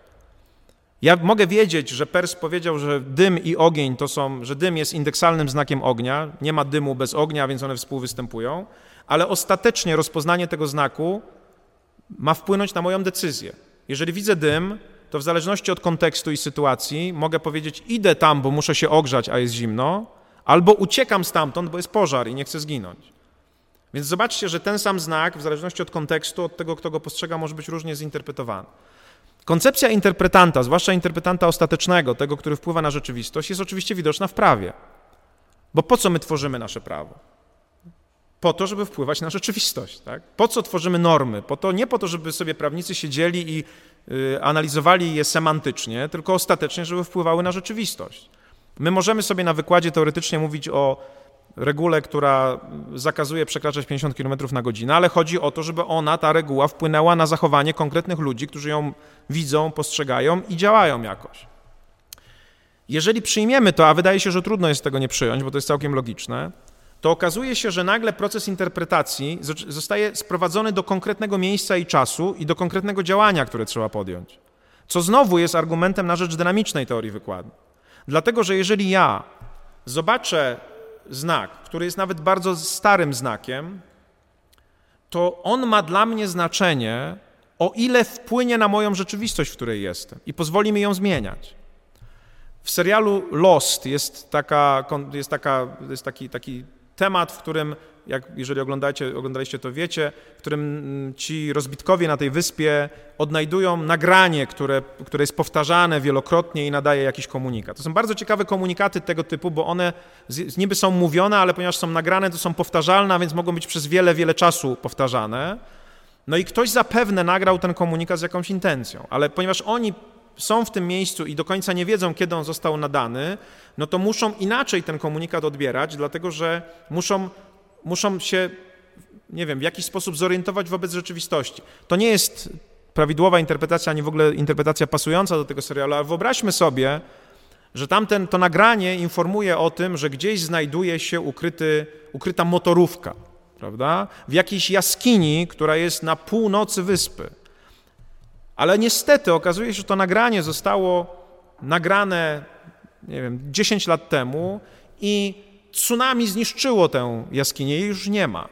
W związku z tym dla tych ludzi, którzy są w tym miejscu i w tym czasie, rozpoznanie tego znaku i podjęcie działań jest zależne od stanu świata, bo oni mogą podjąć te działania albo nie mogą, ich, albo nie ma w ogóle sensu ich podejmować. Więc nie chodzi o to, to, to, że ten znak mógł się odnosić do motorówki, która jest w jaskini, w pewnym sensie dla nich nie ma żadnego znaczenia, bo świat się zmienił, a więc ich zinterpretowanie tego, tego znaku nie może wpłynąć na ich działanie. Może być też tak, że to tsunami wcale nie zniszczyło tej wyspy czy tego, tej jaskini, tylko przepłukało tę łódź zupełnie do innej jaskini, która jest w innym miejscu. Czy oni mają iść ślepo za tym znakiem i szukać tam, w którym on pierwotnie, do tego miejsca, w którym on, do którego on się pierwotnie odnosił, czy mają uwzględnić zmianę w rzeczywistości i zdać sobie sprawę, że jednak może to jest gdzie indziej? Sytuacja, w której my patrzymy na znak jako element trójelementowy, jako kogoś, kto postrzega i musi na tej podstawie podjąć działanie, zmienia wszystko, bo nagle okazuje się, że trzeba wziąć pod uwagę zmianę w rzeczywistości, której nie widać tak dobrze w przypadku dwuelementowego, e, elementowej struktury znaku. Tak samo Millikan w innej swojej teorii mówi, że my tak naprawdę um, używamy do rozpoznania rzeczywistości takich dwóch elementów. Kiedyś mówiliśmy, używaliśmy jednego słowa pojęcie, a ona chce rozbić to pojęcie na dwa subpojęcia, tak zwany Unitracker i Unicept. Ona mówi, że my tak naprawdę w naszej praktyce śledzimy rzeczywistość, oglądamy rzeczy, rozpoznajemy je jak, jako takie same, a więc musimy mieć pewną zdolność śledzenia ich w rzeczywistości, czyli na przykład rozpoznajemy psa jako kolejnego psa, którego widzimy. Milikan mówi, rozpoznajemy mamę jako mamę, rozpoznajemy mleko jako mleko. Musimy mieć jakąś zdolność zobaczenia, że to jest to samo. Na przykład bubr musi rozpoznać sytuację, w której pojawia się nowy drapieżnik, jako podobną do tej, która była wcześniej. To jest jedna nasza umiejętność. A UNICEF to jest taki worek, do którego zbieramy nasze doświadczenia przy każdym spotkaniu się z tą rzeczywistością. Może się zdarzyć tak, że bubr raz widzi tygrysa, a raz widzi wiewiórkę i błędnie twierdzi, że wiewiórka jest drapieżnikiem, ale później nagle okazuje się, że ona nie może zjeść bobra, w związku z tym poprawia się poprzez praktykę. Więc znowu widzimy tutaj pewną historyczną, zbiera, y, y, historyczną koncepcję zbierania wiedzy na temat rzeczywistości poprzez kontakt z rzeczywistością i znowu to zbieranie wiedzy jest dynamiczne. Bo przecież to nie jest tak, że raz się spotkamy z czymś już to wszystko na ten temat wiemy. Znowu Pers, jakby wspierając, chociaż to jest wcześniejszy filozof niż Millikan, ale oni są bardzo powiązani w tym myśleniu, używa takiego strasznego pojęcia abstrakcja hipostatyczna. Tak? I to brzmi strasznie, ale jest dosyć łatwe do zrozumienia. Pers mówi nieraz, my się spotykamy z jakąś rzeczywistością i nie jesteśmy pewni, czym ona jest, ale już ją oznaczamy słowem. Tak było, mówi Pers, kiedyś, kiedy po raz pierwszy ktoś użył słowa elektryczność. Coś się zadziało i ktoś użył, użył słowa elektryczność ale nie miał, czyli można powiedzieć, przyczepił taki, taką naklejkę do tego, do, do tego kształtu rzeczywistości, ale nie miał worka wiedzy na ten temat. Czyli chciał ją, jakby powiedziała Millikan, unitrakować, czyli ch chciałby wiedzieć, że to, co się za chwilę pojawi, to jest też elektryczność, dlatego potrzebował nazwy, bo jakby nie miał nazwy, to w ogóle by nie wiedział, że to, co się pojawia, jest podobne do tego, co było wcześniej. Ale jego worek, Unicept, był pusty. Wiedział, że tam na przykład są tylko jakieś wyładowania. I przez wielokrotną, wielokrotny kontakt z elektrycznością, którego różni naukowcy dokonywali, ten worek się zapełniał wiedzą. Mieliśmy coraz większą wiedzę na temat tego, czym jest elektryczność. Ale nieraz popełnialiśmy błędy. Kiedyś, zanim wynaleziono tlen, wierzono, że istnieje flogiston. Nazwano tak nawet, poważni naukowcy nazywali tak substancję, która wydziela się z ciała, kiedy ono się spala. Ale później okazało się, że nie ma w ogóle żadnej takiej substancji. Po prostu to był błąd. Oznaczyli coś, czego nie było. My też w prawie mieliśmy takie sytuacje, że kiedyś myśleliśmy, że istnieje przestępstwo bycia czarodziejem albo czarownicą. Tak? Okazało się, że to była jedna wielka bzdura, niczego takiego nie było, więc zdarzają się pomyłki, które my też jesteśmy w stanie poprawić dzięki temu, że uczestniczymy cały czas w praktyce. Bo po jakimś czasie widzimy, że nie ma żadnej substancji, tylko jest reakcja chemiczna, a więc mm, rozumiemy to inaczej i poprawiamy nasze rozumienie rzeczywistości i pojęcia, którymi określamy tę rzeczywistość.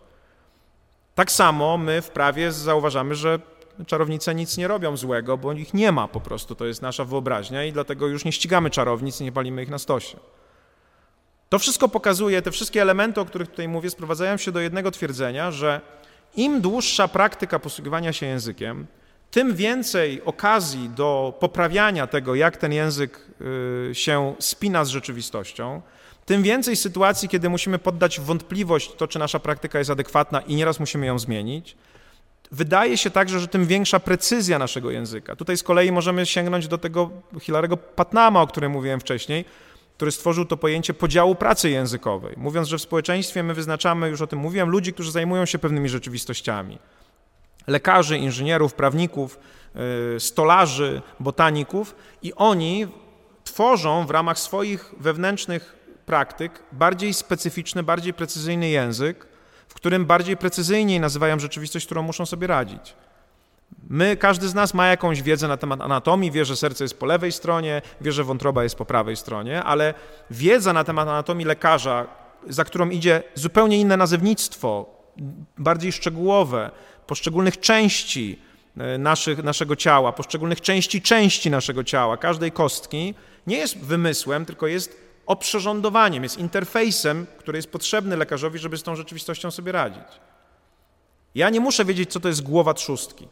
Ja muszę wiedzieć, że ewentualnie coś mnie boli gdzieś tam i muszę iść do lekarza, ale lekarz musi wiedzieć, z czego składa się trzustka, a jeżeli jest chirurgiem, musi wiedzieć, w jaki sposób do niej podejść, żeby żeby ją naprawić e, albo naprawić jej funkcjonowanie, a nie zepsuć. W związku z tym ma inną rzeczywistość, z którą musi sobie radzić, dlatego że musi mieć inny język, inny interfejs, więc wszystko znowu wskazuje, a jak go, jak go, jak go udoskonala praktyką i doświadczeniem. Czyli im dłużej, można powiedzieć, istnieje praktyka języka medycznego, tym jest szansa na to, że on jest bardziej precyzyjny, bo uczy się także na błędach. Na pewno wielokrotnie było tak, że medycyna się myliła i to była sytuacja bardzo tragiczna, która jednak później powodowała polepszenie tego, tego sposobu y, nazewnictwa.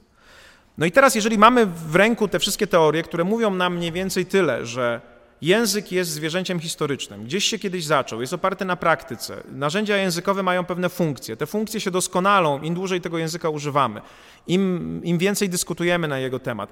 Nie zawsze oczywiście tak jest, możemy popełniać dalsze błędy, ale co do zasady, wydaje się, że ten język, jak popatrzymy na specjalizację, na jego y, dokładność, y, na, na oczywiste błędy w posługiwaniu się językiem, o których mówiłem wcześniej, wydaje się, że jest większa szansa na to, że język, którym posługujemy się teraz, jest lepszy, bardziej użyteczny do radzenia sobie z rzeczywistością niż język, którego używaliśmy wcześniej. To to oznacza, że my być może powinniśmy wziąć pod uwagę te właśnie znaczenia, które mamy teraz, a więc przejść jednak na dynamiczną koncepcję wykładu. No ale tu możemy wrócić do tego przykładu Solama z tym listem XIII-wiecznym, czy nawet z tym kurierem wieczornym. No to dlaczego tam wydawało nam się, że jednak intuicyjne jest przyjęcie koncepcji statycznej? No i wyjaśnienie wydaje się jest dosyć oczywiste. Mianowicie, jeżeli przyjmiemy to myślenie, które proponuje Pers, że znaki są trójelementowe, czyli mają jest znak, obiekt i interpretant, to możemy przyjąć, że pewne znaki funkcjonują w jakimś krótkotrwałym okresie jako, jako ten trójkąt persowski. Co mam na myśli? Jeżeli ten XIII-wieczny chłop pisał do swojej cioci, żeby ona przyjechała i pomogła mu w żniwach, to interpretant, czyli interpretacja tego, co, się, co on powiedział, miało się zdarzyć w ramach XIII wieku. No trudno byłoby sobie wyobrazić, że on pisał do kogoś, kto jest w wieku XXI, tak? bo ten ktoś nie mógłby do niego przyjechać, musiałby mieć y, jakiś wehikuł czasu. Więc w sposób oczywisty on zakładał, że interpretant, czyli rozpoznanie jego znaku i wpłynięcie na rzeczywistość nastąpi w tym samym czasie, w którym on pisał. Tak? No bo jeżeli piszę do ciebie, że masz przyjechać mi pomóc przy żniwach, to nie piszę, że masz przyjechać mi pomóc przy żniwach za tysiąc lat, tylko przy najbliższych. W związku z tym w tym czasie to ma się zrealizować.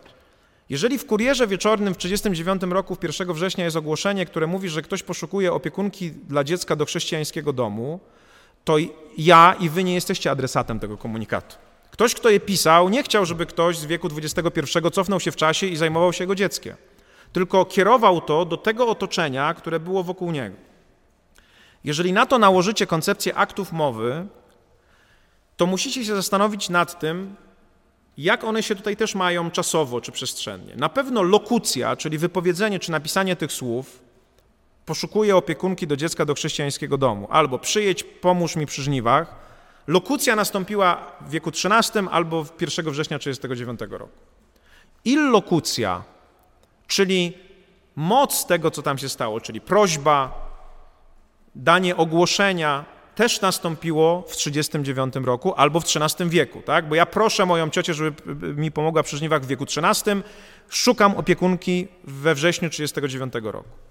Co więcej, akt perlokucyjny, czyli to, co ma się zdarzyć na skutek tego, czyli to, że ciocia ma przyjechać i mi pomóc, i to, że ma się znaleźć opiekunka i opiekować się dzieckiem, kiedy ma się zdarzyć? W, też w tym samym czasie. Ma przyjechać w wieku 13 i ma się zaopiekować dzieckiem we wrześniu 1939 roku. Czyli zobaczcie, co się dzieje przy tej komunikacji. Wszystkie trzy akty lokucyjny, illokucyjny i perlokucyjny mają miejsce w wieku XIII albo 1 września 1939 roku, czy w, oko w okolicach. I to jest powód, dla którego do rozumienia tych znaków stosujemy zasady z wieku XIII albo z 1939 roku. Bo wszystkie trzy te akty tam się mają zdarzyć. I nie ma w ogóle żadnego powodu, żeby poza tę konstrukcję wychodzić. Nie ma żadnego powodu, bo one wszystkie w całości realizują się tam. Ale teraz jak działa prawo które zawsze mówi: The law is always speaking. Tak? Można by było jeszcze powiedzieć, że akt lokucyjny w prawie następuje wtedy, kiedy prawo jest uchwalone. Tak, bo wtedy są wypowiadane te słowa. No bo na przykład uchwala się konstytucję, więc konstytucja amerykańska końcówka XVIII wieku, nasza konstytucja 97 rok. Chociaż też nie jest jasne, bo jeżeli the law is always speaking, prawo zawsze mówi, to może te, y, y, te lokucje pojawiają się za każdym razem, kiedy ktoś czyta prawo. Także później. Tak? Czyli Scalia, który interpretował konstytucję amerykańską pod koniec XX wieku i na początku XXI, do niego też prawo mówiło. Ale pal licho, załóżmy, że oryginaliści mają rację. Niech lokucja odbywa się w momencie, w którym te daty miały miejsce. Czy illokucja odbywa się w tym miejscu? Illokucja jest rozkazem, wydaniem rozkazu. Znowu ktoś może powiedzieć, prawo zawsze mówi, a więc zawsze wydaje rozkazy. Ten rozkaz, żeby jeździć 50 km na godzinę jest tak samo realny do pierwszego odbiorcy, jak i do odbiorcy, który jutro albo pojutrze odbierze ten sygnał. Więc znowu można by było dyskutować, czy być może nawet illokucja przekracza moment nadania. Ale znowu pal licho, niech będzie, niech tak mają ci oryginaliści, że nawet ten rozkaz pada wtedy i on wtedy jakoś tam trwa w czasie. Ale jest jasne, że perlokucja, czyli wywa wywarcie wpływu na rzeczywistość, nie może się ograniczać do momentu, w którym nadano prawo, bo to byłoby prawo epizodyczne. Prawo chce regulować tę rzeczywistość poza momentem, w którym zostało wypowiedziane. My chcemy, żeby zarówno wczoraj, przedwczoraj, dzisiaj i jutro ludzie jeździli 50 km na godzinę. A więc chcemy, żeby skutki, te skutki perlokucyjne w rzeczywistości miały miejsce teraz. Innego słowa używając, jeżeli mam interpretant, który jest odbiorem znaku i relacji do rzeczywistości, i jak wiemy za Persem, ten interpretant, ostateczny interpretant to jest moje działanie, to działanie na podstawie przeczytania reguły i zrozumienia, jak ona odnosi się do rzeczywistości, ma się stać tu i teraz, a nie w momencie, w którym prawo zostało uchwalone.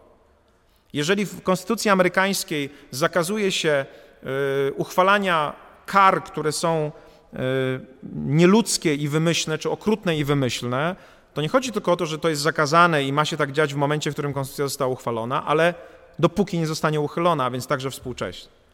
I myślę, że widzicie, do czego dochodzimy. Jeżeli jest tak, że perlokucja, czyli skutek w rzeczywistości, interpretant ma się odnosić do świata, który nas otacza, to my w pewnym sensie musimy brać pod uwagę to, jak ten świat się zmienił. Jeżeli ktoś nam daje projekt do zbudowania domu, który został napisany w wieku XIII albo w wieku XVII, ale my mamy ten dom budować teraz, to my nie możemy przyjmować założeń co do stabilności gruntu, które były w wieku XIII, tak? dlatego że ten dom się zawali. My musimy brać pod uwagę rzeczywistość, jaka jest teraz. Jak ci zagubieni na tej wyspie, jeżeli oni chcą odnaleźć tę łódź, to muszą brać założenia dotyczące tego, jak świat się zmienił. Jeżeli chcą cokolwiek z tym znakiem zrobić. Zwróćcie uwagę, że znak, który wysłał ten chłop XIII-wieczny, czy ten, ten, ten kurier wieczorny, który był 1 września 1939 roku, on zrobił swoją robotę i już nie jest istotny. On już, on już zrobił to, co miał zrobić. Zrobił albo nie zrobił, w zależności od tego, czy ciocia przyjechała, albo czy ktoś się zgłosił jako opiekunka do tego dziecka. Ale nie ma już potrzeby wychodzenia spoza tego obszaru i oczekiwania, że ta opiekunka jeszcze się zgłosi, albo ta e, ciocia przyjedzie. A prawo ma takie oczekiwanie, że znowu będziecie jeździć zgodnie z przepisami, że nie będziecie stosować kar okrutnych i, i, i wymyślnych. A więc jest tutaj przekroczenie tego, tego pierwszego momentu i realizacja w momencie interpretacyjnym. I to jest podstawowy element, dla którego my myślimy o tym nowym elemencie, o tym nowym momencie czasowym jako wyznaczającym reguły. Dlatego, żeby sobie poradzić z tym pomysłem Solama, który oczywiście jest trudny, bo zobaczcie, jak musieliśmy go rozłożyć na czynniki pierwsze, musielibyśmy sobie powiedzieć, że prawo nie działa tak jak list, który kiedyś został napisany i który my mamy dzisiaj zrozumieć, tylko raczej ja używam tam w tym tekście, w Imperium tekstu takiego przykładu jak mapa, którą gdzieś znaleźliście, na której znak, znak X oznacza schowany skarb. Wyobraźcie sobie, że znaleźliście taką piracką mapę. Dlaczego to jest lepszy przykład? Dlatego, że jeżeli ten skarb nie został jeszcze znaleziony, to ten znak dalej ma sens. Perlokucja się jeszcze nie dokonała, skutek w rzeczywistości się nie dokonał. Nikt nie znalazł tego skarbu. Y, interpretant, czyli to, co wy macie na podstawie tego znaku zrobić, jest jeszcze możliwe. Możecie pójść i tego skarbu szukać. Ale teraz pytanie jest, jeżeli ten X na tej mapie jest umiejscowiony 100 metrów od brzegu lasu i 50 metrów od brzegu morza, a wy wiecie, że w tym czasie, który minął od, nie wiem, XVI czy XVII wieku, kiedy ta piracka mapa została narysowana, morze się cofnęło albo jest już bliżej, a las zmienił swoją granicę, to czy nadal macie szukać w miejscu, w którym jest ten znak pierwotnie postawiony, czy macie uwzględnić zmianę rzeczywistości? Jeżeli będziecie szukać w tym miejscu, w którym został postawiony, to możecie go nigdy nie znaleźć, dlatego że rzeczywistość się zmieniła. Musicie przyjąć, uwzględnić zmianę rzeczywistości, a więc musicie myśleć dynamicznie, żeby zrealizować to, po co ta mapa jest. Więc wydaje się, że biorąc to wszystko pod uwagę, lepiej traktować prawo jako mapę, nie list, dlatego że ona ciągle, ono ciągle ma jeszcze coś do zrobienia i żeby to zrobiło, żeby wpłynęło na rzeczywistość, trzeba wziąć pod uwagę, jak ta rzeczywistość wygląda, jaka jest nasza wiedza na temat tej rzeczywistości, a to jest zamknięte w naszych pojęciach i w naszych znaczeniach. I jeżeli to zrobimy, no to wtedy nasza szansa na to, że, że, że rzeczywiście zrealizujemy to, co ma zrealizować ten znak, mapa, prawo, da się zrealizować. To znowu pokazuje, że my musimy myśleć ciągle o tym, jak ten język, którym się posługujemy, wpływa na rzeczywistość, i wtedy, kiedy wiemy, jak on wpływa na rzeczywistość, myślenie dynamiczne o wykładni absolutnie wydaje się intuicyjne, a statyczne wydaje się nieintuicyjne. I myślę, że mamy, mamy zrozumienie co do tego. Gdyby ktoś nam teraz powiedział, że mamy rozumieć e, mm, konstytucję amerykańską, przy uwzględnieniu absolutnego poparcia dla niewolnictwa, które wtedy istniało, popukalibyśmy się w głowę. Bo wiemy, że rzeczywistość się zmieniła i musimy inaczej rozumieć równość, musimy inaczej rozumieć relacje społeczne, właśnie dlatego, że rzeczywistość się zmieniła. Więc nawet jak na poziomie semantycznym ktoś może nas łudzić takimi przykładami jak list XIII-wiecznego chłopa, to na poziomie takim praktyczno, yy, myślenia praktycznego tak oczywiście nie jest. A teraz dodatkowo jeszcze mamy, mam nadzieję, koncepcję językową, która może nam to y, podbudować w jakiś sposób, a więc możemy z Kalii powiedzieć, jest teoria, która może pobić Twoją teorię, tylko trzeba przejść z pozycji opartych na intencji w rozumieniu języka, czyli tych internalistycznych, na pozycje eksternalistyczne i zrozumieć, w jaki sposób zmiany w rzeczywistości, zmiany naszej wiedzy na temat rzeczywistości wpływają na znaczenie naszych słów. Podsumowując, chciałem Wam dzisiaj pokazać, w jaki sposób można podejść do ważnego prawniczego zagadnienia, czyli tego, czy mamy stosować statyczne koncepcje wykładni, czyli te, które uznają, że znaczenie tekstu prawnego nie zmienia się, nawet jeżeli języka powszechnego się zmienia. Nie zmienia się dlatego, że prawodawca ma moc ustanowienia tych znaczeń i my musimy być temu wierni. Y, I mówiliśmy o dynamicznych koncepcjach, które oczywiście prezentują wizję przeciwną, to znaczy, że zmiana języka powinna spowodować, zmiana w znaczeniu języka powszechnego powinna spowodować zmianę w rozumieniu języka prawnego, a więc, że prawnik powinien uwzględniać znaczenie i reguły językowe z momentu interpretacji, nie z momentu ustanowienia prawa. Chciałem Wam pokazać, że to jest, przed, to jest, to jest zagadnienie, które ma dużą doniosłość praktyczną i w Stanach Zjednoczonych prowadzi się ciągle debatę na ten temat w formie oryginalizm jako koncepcja statyczna, living constitutionalism jako koncepcja dynamiczna. A to, że to ma praktyczne skutki, to widać bardzo wyraźnie. Ostatnie orzeczenie amerykańskie, które y, doprowadziło do zmiany podejścia do aborcji, czyli, czyli doprowadziło do tego y, zniesienia w pewnym sensie precedensu Roe vs. Wade, było oparte na rozumieniu oryginalistycznym, czyli statycznym. To, czy było to właściwie zaproponowane, czy nie, niektórzy mówią, że to Roe vs. Wade mogło być źle oparte na dynamicznym rozumieniu, ale pokazuje wam to, że w sercu dyskusji dotyczącej y, rozstrzygnięć aborcyjnych jest opozycja oryginalizm living constitutionalism, czyli opozycja statyczna koncepcja wykładni, e, mm, dynamiczna koncepcja wykładni, więc to bardzo jest to doniosłe. I starałem się w tym wykładzie pokazać wam, że wbrew przekonaniu skali najwybitniejszego przedstawiciela oryginalizmu, że nie ma teorii językowej, która wspierałaby dynamiczność wykładni prawa, a jest teoria, która wspiera statyczność, ta oparta na intencji, możemy wypracować koncepcję, która językowo, a nie tylko tak intuicyjnie czy, czy ideologicznie wspiera wykładnię dynamiczną. Taką, ta koncepcja wymaga od nas odejścia od intencji jako źródła znaczenia, czyli odejścia od internalizmu na rzecz eksternalizmu i zrozumienia, że język jest żywą praktyką, historyczną praktyką, która, w której znaczenia kształtują się jako funkcje stabilne bez intencji użytkowników i użytkownik poszczególny nie może ich zmienić, że prawodawca jest jeden z uczestników, który po prostu korzysta z tych funkcji i że te funkcje się zmieniają, albo że nasze użycie słów się zmienia, żeby te funkcje zostały zachowane. Im więcej wiemy o rzeczywistości, dawaliśmy sobie przykłady tortur, szkód, yy, innych przykładów, w których ewidentnie wygląda to tak, że prawodawca zapożycza z języka powszechnego pewne słowa, a ta praktyka ciągle żyje, więc ona się zmienia. I pokazaliśmy sobie też, że prawdopodobnie, jak to wszystko się weźmie pod uwagę, a zwłaszcza to, że znaki nie są po prostu po to, żeby sobie były, tylko żeby wpływać na nasze działanie w rzeczywistości, jeżeli chcemy w rzeczywistości skutecznie działać, to musimy raczej uwzględniać znaczenie współczesne niż to, które było wcześniej, bo praktyka językowa, żywa praktyka językowa doskonali język i wiemy coraz lepiej, coraz więcej, są coraz lepszym interfejsem do radzenia sobie z rzeczywistością. Jeżeli tak jest, to prawo nie wygląda tak jak list y, kogoś, kto napisał go w XIII wieku, i trzeba go interpretować według zasad XIII-wiecznych, ale jako żywe narzędzie zmiany rzeczywistości, które trzeba uwzględniać według stanu tej rzeczywistości, jaka jest teraz, a więc to jest podstawowe uzasadnienie dynamiczne. To, jak to się wpisuje w nasze rozważania o teorii ewolucji, wydaje się dosyć oczywiste. Jeżeli to jest lepszy interfejs, to jest lepsze adaptacyjnie, to znaczy lepiej sobie radzimy z rzeczywistością, jeżeli go mamy, więc tym bardziej przemawia to za tym, żeby jednak stosować wykładnię dynamiczną, a nie wykładnię statyczną. Czy są jakieś pytania? Jeżeli nie ma, dziękuję bardzo i zapraszam za tydzień.